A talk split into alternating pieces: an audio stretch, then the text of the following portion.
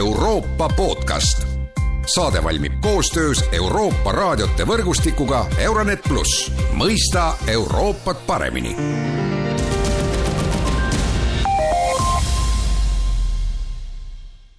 tere päevast ja tere kuulama jälle Euroopa podcasti. hiljuti pidas Prantsusmaa president Emmanuel Macron Euroopa Parlamendis kõne, milles kutsus üles Euroopal pidama dialoogi Venemaaga.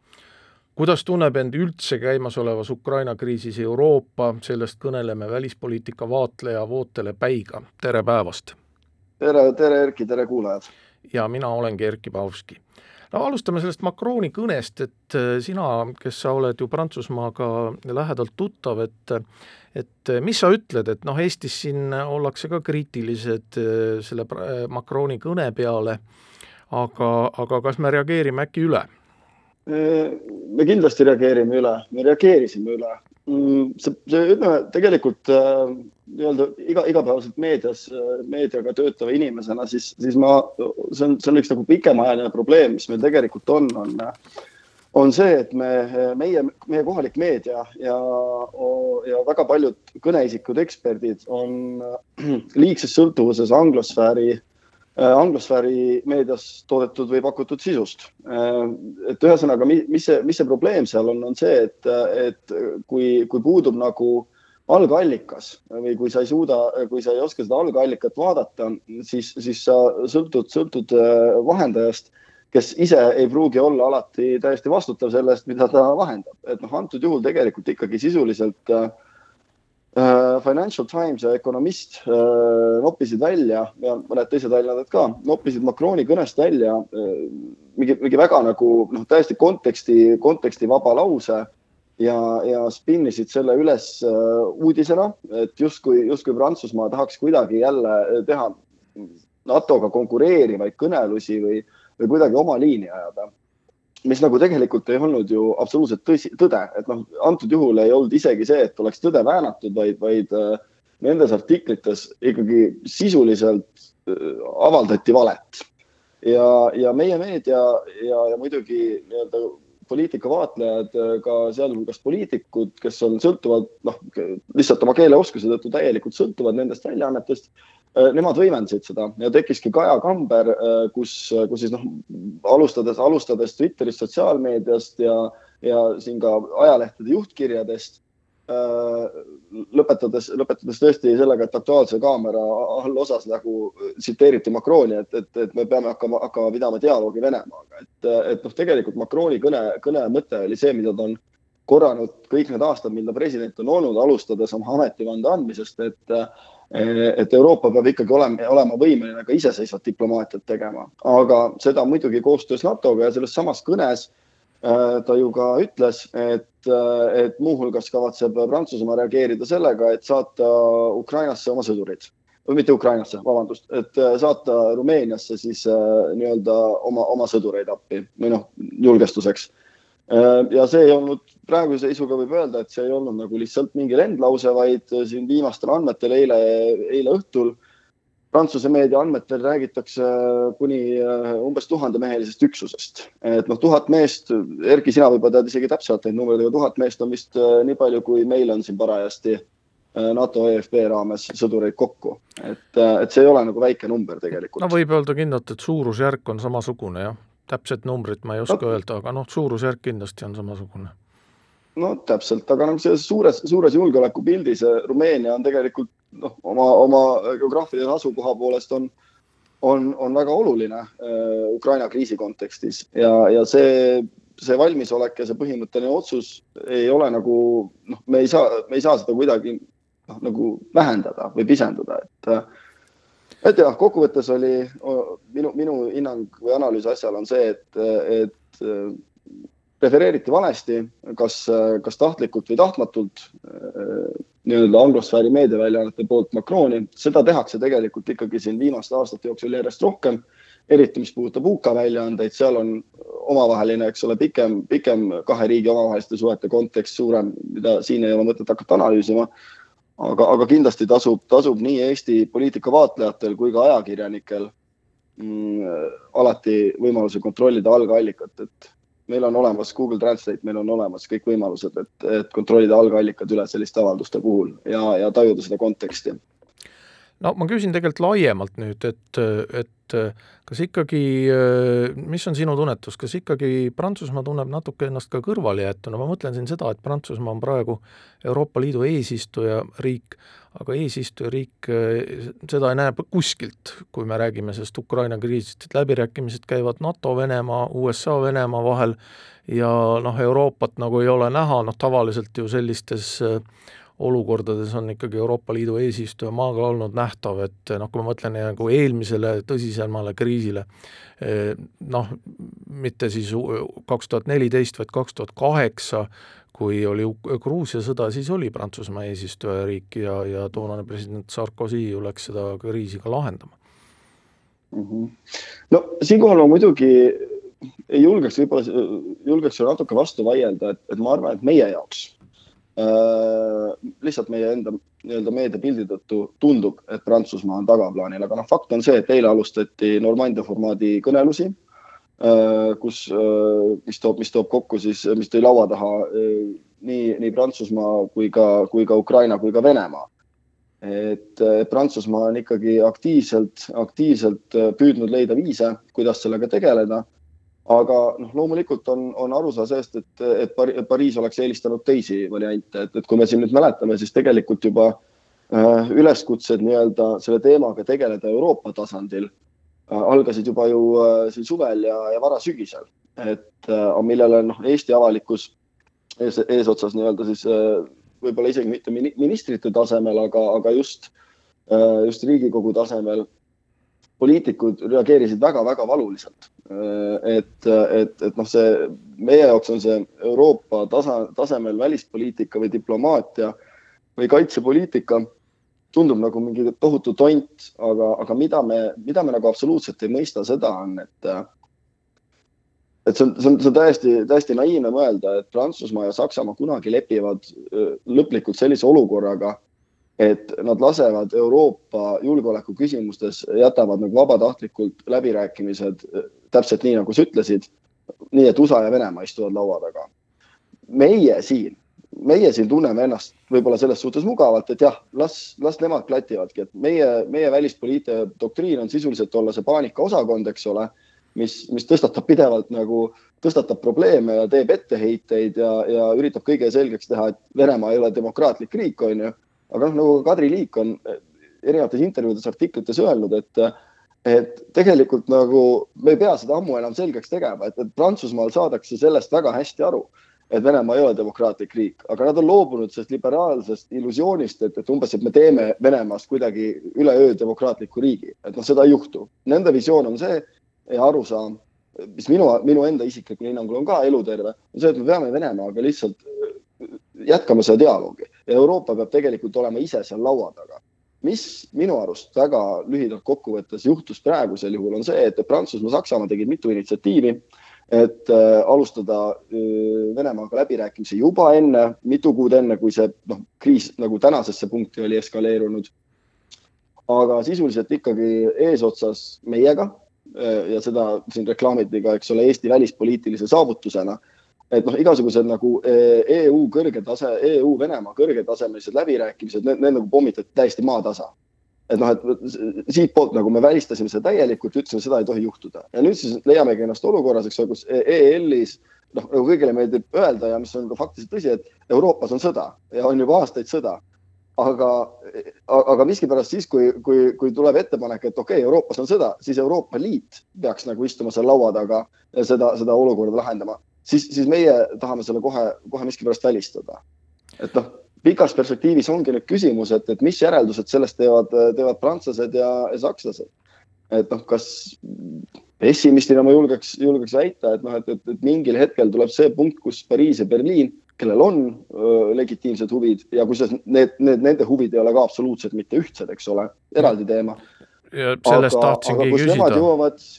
jah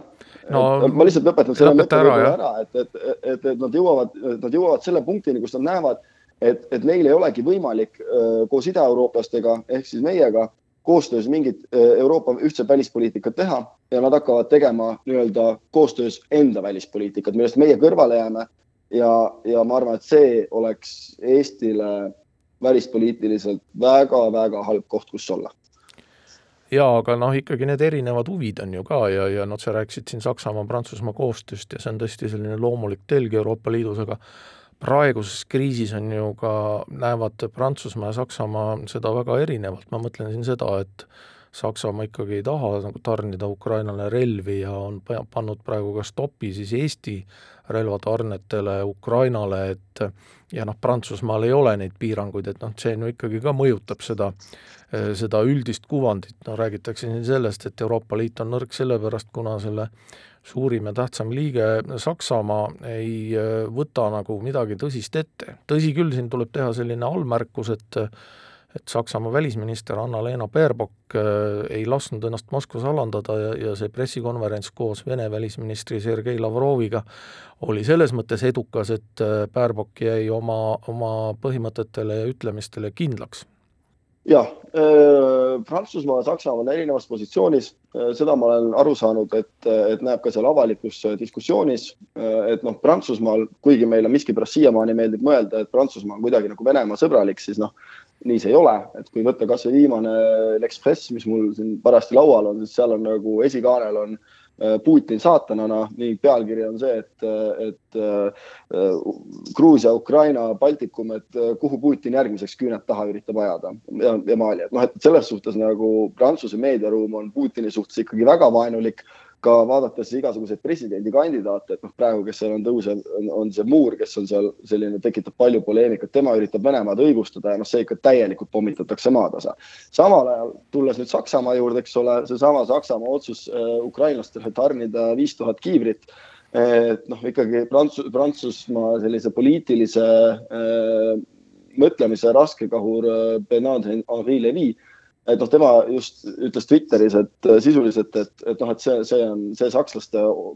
otsus neid, neid kiivreid pakkuda, et see on, see on mõnitamine. ja ukrainlased ja, tahaksid sada tuhat kiivrit, lugesin ma täna hommikul. ja, ja, ja siis sakslased pakuvad viis tuhat, eks ole. samal ajal jällegi, eks ole, prantslased ju on tarninud Ukrainale relvi. et, et noh, need, need vaated on sealt väga, väga erinevad, et ilmselgelt Prantsusmaal on see valmisolek suurem, neil on, äh, neil on endal nagu parem sise, noh, ma ei tea, kas parem sisevaade, aga, aga kindlasti nad on äh, Venemaa suhtes julgemad ja noh, tegelikult fakt on see, et kõik taandub energeetikale ja energiale, eks ole. Prantsusmaal on äh, tuumajaamad, mis mühisevad, neil on, neil, nende jaoks gaas ei ole niivõrd kriitilise tähtsusega. Saksamaa jaoks muidugi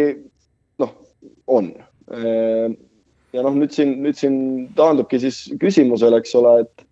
et kas Saksamaa gaas on tegelikult ainult Saksamaa mure me võime tänitada neid, et miks nad nii sõltuvad on ja miks nad oma tuumajaamad kinni panid.